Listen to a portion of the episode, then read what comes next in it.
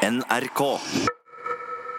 Ja, vi er heldig i den forstand at vi har en stor familie og aldri vært plaga med, med noen ting som helst. Så ramma det plutselig en datter som får psykiske store utfordringer. En, en, et søskenbarn av henne, datter av en annen bror, døde av, av en eh, kreftsykdom. Så det ramma veldig hardt.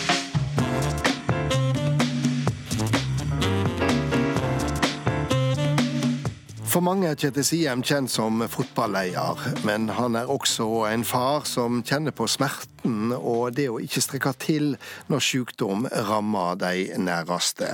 Det snakker vi om i min samtale med denne internasjonalisten blant norske fotballeiere.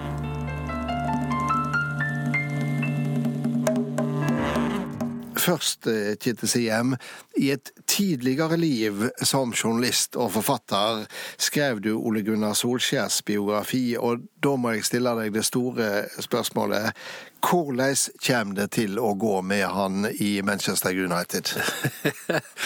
Eh, først må jeg få lov å takke for at jeg får lov å komme og være gjesten din. Det er spennende. Men når det gjelder Ole Gunnar, så Eh, det er ikke råd å spå, den som klarer å spå det, blir jo rik, men han har jo ikke fått uh, eh, henta sine egne spillere eller forma laget. Han har tatt over uh, i en krisesituasjon som gikk bra, og så går det ikke riktig så bra, men det kan fortsatt gå bra. Som nordmann og patriot så må vi jo håpe at dette går kjempebra. og Det er store ressurser i klubben, så de henter nok en del spillere i sommer, så jeg vil spå at det går bra. Men det er vel ikke bare som nordmann og patriot at vi på en måte heier på Ole Gunnar Solskjær, det er vel også fordi at eh, han er en eh, gjennomført eh, kjernekar fra Karihåla i Kristiansund? Ja, både du og jeg er født utafor her vi sitter nå, og det er han òg.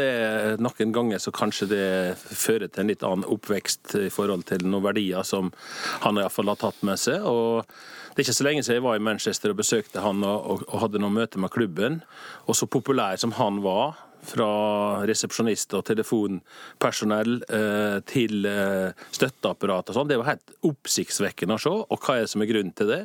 Det er jo ikke resultatet på banen før det har begynt, det er jo personligheten. Ja, det er en kar som har beina på bakken og, og er seg sjøl, og har vært det hele tida, både som spiller og ja, i, i både nederlagstider og, og, og, i suksesstider. Jeg tror kanskje at han er litt sint inni seg av og til, han òg, men han er mm. veldig flink og klager ikke på dommeren og sånn som er veldig ofte vanlig. Sparker ikke ned drikkeflasker og hoier og, og styrer ikke med sånn teatralsk raserianfall. Så han oppfører seg på en måte som alle liker å se.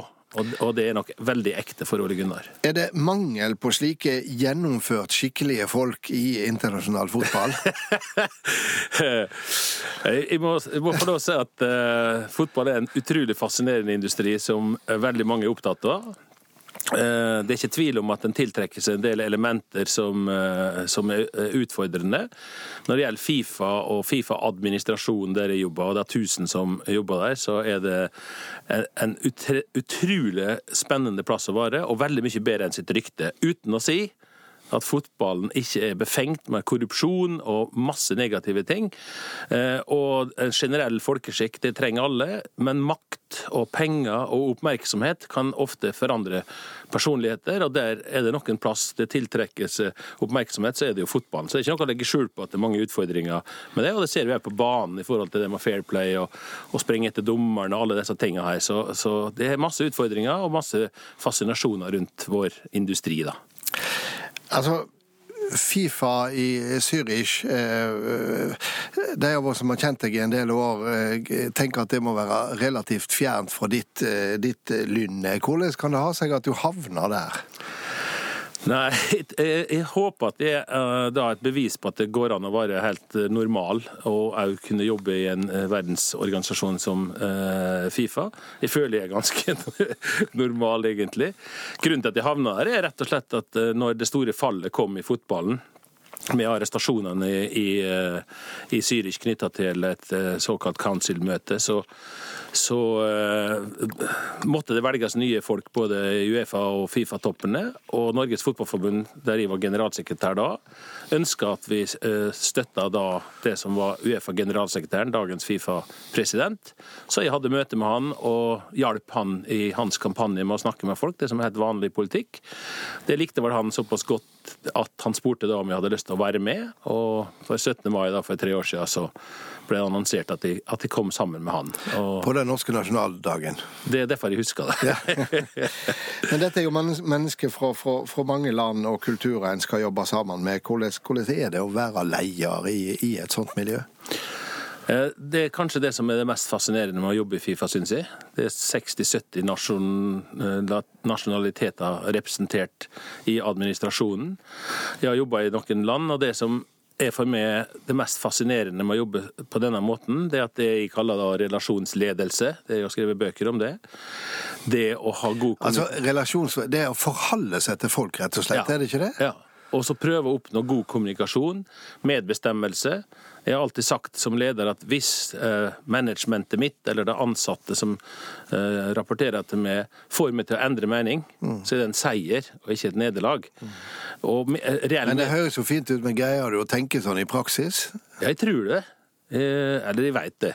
Mm. det. Jeg syns faktisk det er betryggende å ha de ansatte med på diskusjoner, at vi bestemmer ting og, og blir overprøvd, og det må være ekte. Kan ikke late som at det er medbestemmelse, så er det ikke. Og, og da er denne relasjonen mellom en leder og de ansatte, at det flatere den er, samtidig som alle vet hvem som er ansvarlig, til bedre er det, syns jeg. Og det funka i Sør-Afrika, og det funka i England. Det funker, det, jeg syns det funka overalt, da. Og det er for mange ledere, syns jeg, som gjør for mye ut av tittelen og posisjonen, og for lite ut av de ansatte. Og det, det har vært min greie. Du nevnte Sør-Afrika, eh, og det er jo ett kapittel i ditt eh, yrkesliv. Du, du var jo faktisk i fire år du leder for eh, Premier League i Sør-Afrika, og vel også styreleder for fotball-VM i, i, i 20, 2010. Eh, Det må jo ha vært ei helt spesiell oppleving? Ja, jeg var veldig heldig som fikk den eh, muligheten. Det er jo sånn sliding door-opplegg som gjør at du havner på sånne plasser. Det er tilfeldighetene som gjør det. Men når du først havner der og får jobbe med styrelederen i VM og være administrativ leder for proffligaen i et land som skal ha VM, så er det et privilegium som jeg nesten ikke råd beskrive. Og, og jeg har aldri lært så mye på fire år som vi lærte der. I år så er det 25 år siden Nelson Mandela eh, var president. Eh, Han var aktiv da du var i Sør-Afrika. Traff du han noen gang? Ja, jeg gjorde det. Jeg har ikke så lyst til å prate så mye om det, for det virker som at jeg liksom gjør et stort poeng ut av å Ja, men Det er jo en av de få ting det er verdt å gjøre et stort poeng ut av. da. OK. Uh, nei, jeg traff han. Det var faktisk han som ringte til meg og lurte på hva denne molongoen, altså denne hvite mannen, skulle eh, lede hans fotball. Så han inviterte meg over på, eh, til huset sitt. Og så ja, vi hadde noen dialoger og hadde faktisk et felles prosjekt. Han ville svært gjerne at eh, Norge skulle komme og, og bare spille den første offisielle kampen på den første offisielle åpna VM-stadion, som bar hans navn. Og jeg fikk en gave med han etterpå, et sånn armbånd med hans fangenummer på, som jeg har på meg, og det sa han at Har du det på deg nå? ja, jeg har det alltid på meg fordi at han, han sa det at, at jeg skulle få det på en betingelse, og det var at jeg aldri tok det av. Og en, en bryter ikke løftet til Mandela? Nei, han kan ikke det, selv om eh, jeg tror han må godta at jeg ikke sover med det, så, så har jeg det alltid på, da. Hadde han peiling på fotball? Han sa det. Alle har peiling på fotball. Nei, Han brukte jo idrett og fotball veldig i sitt arbeid, for han sa jo at det var fotballen som var med på å bryte ned apartheid. Han sa at det var Norge som hjelper til veldig med fredsprisene, så han var veldig opptatt av kombinasjonen det geopolitiske, det politiske og idretten med fotballen i spissen.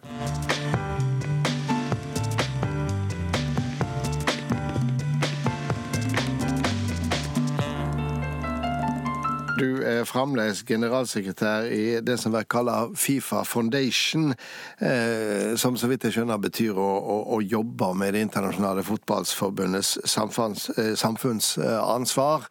Eh, noe mange har ment er strengt nødvendig å, å jobbe med, men, men hva gjør det i praksis?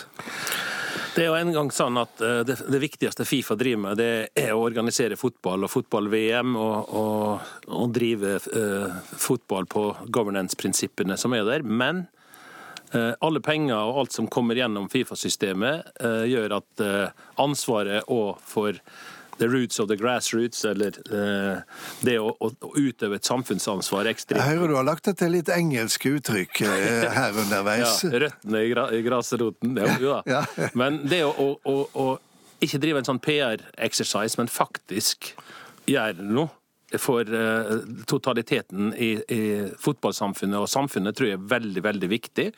Og Det er derfor Fifa starta Fifa Foundation, for å organisere alt samfunnsansvaret inn i, i en, en, unit som, som Fifa Foundation. Og, og dette betyr samarbeid med andre internasjonale organisasjoner, både frivillige, statlige, mellomstatlige? Ja, vi er ferdigforhandla med en avtale med Internasjonale Røde Kors, som eh, går mye på eh, fotball i flyktningleirer og First Aid og katastrofeområder der eh, fotballfasiliteter er ødelagt av vulkaner eller tsunami eller sånne ting. Så kommer vi inn, dem først, vi etterpå.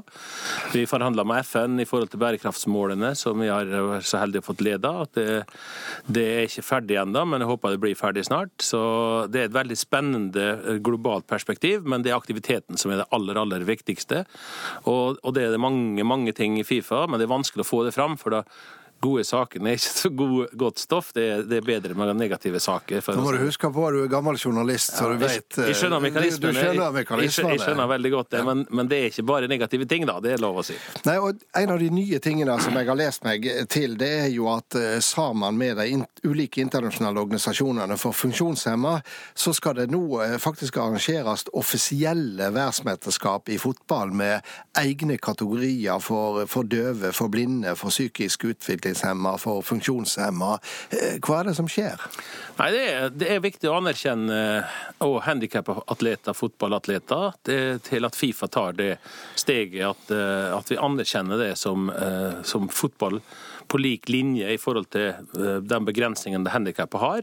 Og Da må vi inn og støtte dette, og sammen med de organisasjonene arrangere da det vi kan kalle et, et Foundation-VM eller et fotball-VM for. Og Det begynner neste år, det første, og så har vi en sånn per år. Jeg tror det blir en kjempefin greie. Vi skal samarbeide med gamle spillere, Fifa Legends, som skal være en del av det. og Masse møter mellom dem eh, gamle spillerne og, og dem det handikappa. Men er ikke dette en veldig sterk kontrast til det beinharde konkurransemiljøet, alle pengene eh, som preger internasjonal fotball? Ja, og det må man aldri ta bort. For uten VM-pokalen og kampen om det, og at, at Ole Gunnar og United prøver å vinne neste kamp og alle penger, det må alltid være der. For det er de pengene han kan bruke til å gjøre andre ting, som òg er en del av fotballen. Og det er ikke alle som kan spille på Man United, men alle kan spille fotball. og Det er òg en Fifa-oppgave, men det er ikke så lett å få den fram alltid. For dette er noe du brenner for? Ja, jeg gjør det, og det kanskje jeg brant ikke så mye for det før jeg flytta til Afrika, tror jeg. Uh, Iallfall ble mye mer etter at de opplevde ting på nært hold. og det, Han skal aldri ha dårlig samvittighet for å kjempe, tjene penger, vinne kamper, men han kan òg ha en liten flik av et større samfunnsengasjement.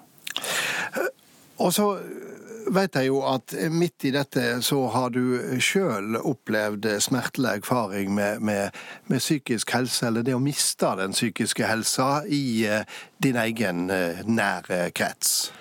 Ja, Vi er heldige i den forstand at vi har en stor familie og aldri vært plaga med, med, noen ting som helst. Så rammer det plutselig en datter som får psykiske store utfordringer. En, en, et søskenbarn av henne, datter av en annen bror, døde av, av en eh, kreftsykdom. Så det rammer veldig hardt. og og det å være leder og bo i et annet land og få dette inn på kroppen, det var jeg ikke forberedt på.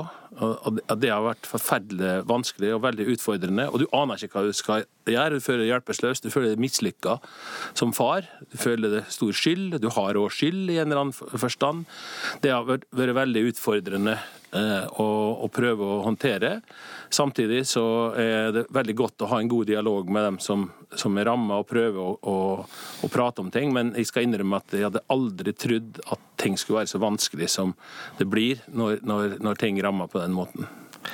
Er det noe med at når du Når en opplever en, en, en fysisk sykdom i, i, en familie, eller det rammer en sjøl, så er det så tydelig, det er så i gåset øye lett å kommunisere hva det dreier seg om, men, men psykisk sykdom, da er det noe helt annet. Ja, og Jeg kan godt bruke fotballen som eksempel. for at Hvis du er skadd i fotballen og du breaker leg, eller det et eller annet, så, så, er det et system for det. Og så har fotballen heller ikke vært flink til å kunne anerkjenne både forskjellige legninger og psykiske utfordringer og problemer.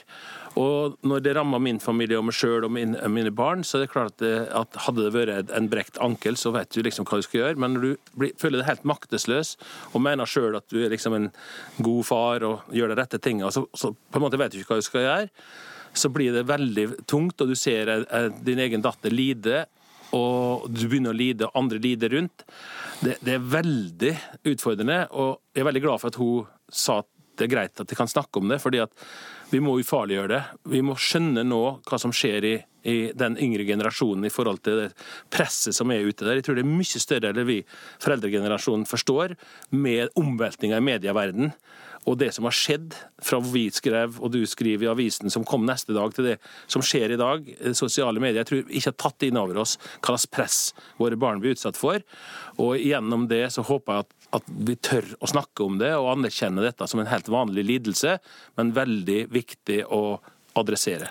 Og så er det vel også det at en må også ha åpne øyne til å se smerten i den psykiske lidelsen, slik vi eh, ofte har lett for å se, eh, se, smerten i den fysiske. Jeg tror smerten er større. Ja, fordi at eh, det kan ikke heles på samme måte. Rett og slett. Eh, hvordan har dette påvirka deg som eh, leder? Som internasjonalist, eh, som en som er høyt og lågt?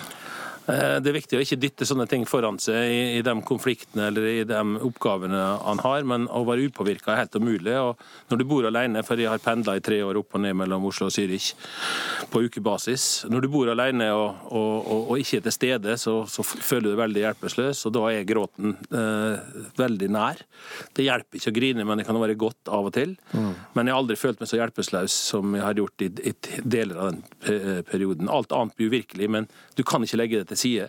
Så blir det en blanding av at du må gjøre det, og en, en måte å på en måte overleve på, samtidig som frustrasjonen kan være absolutt. Og så syns du veldig synd på den det angår, men du mm. syns også synd på deg sjøl, for du klarer liksom ikke å håndtere det sånn som du hadde håpa du skulle klare. Og Da er du tilbake til det du snakka om, med denne maktesløysa, og, og, og kanskje nettopp for, for uh, mennesker av din støpning som er vant til å fikse ting, vant til å stå i det, vant til å overvinne det, så blir kanskje den maktesløysa ekstra eh, voldsom. Ja, det, det, er helt riktig. Du beskriver det veldig godt. Du føler det som en taper på en slags vis, enda du vet du gjør så godt du kan, og, og, og du elsker den det angår, og den det angår elsker det, så, så hadde du håpa at du kunne bidra mer enn du er i stand til. Og du er, du er litt sånn hjelpeløs oppi det hele, og det er veldig vondt.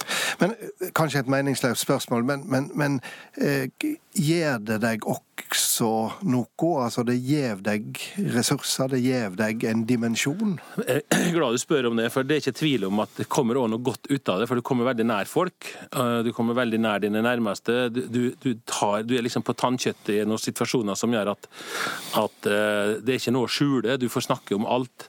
Det kommer veldig mye godt ut av det òg, men lidelsen er jo der for det.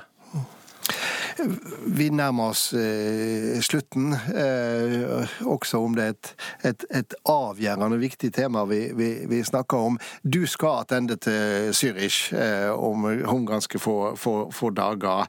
Og jeg har lyst til å litt tilbake på, til Fifa helt mot eh, slutten. Det var stor avsløring. Det var avgang av Platini, av Blatter, av disse store navnene. Eh, hvorfor går det så gale i, eh, en organisasjon som dette?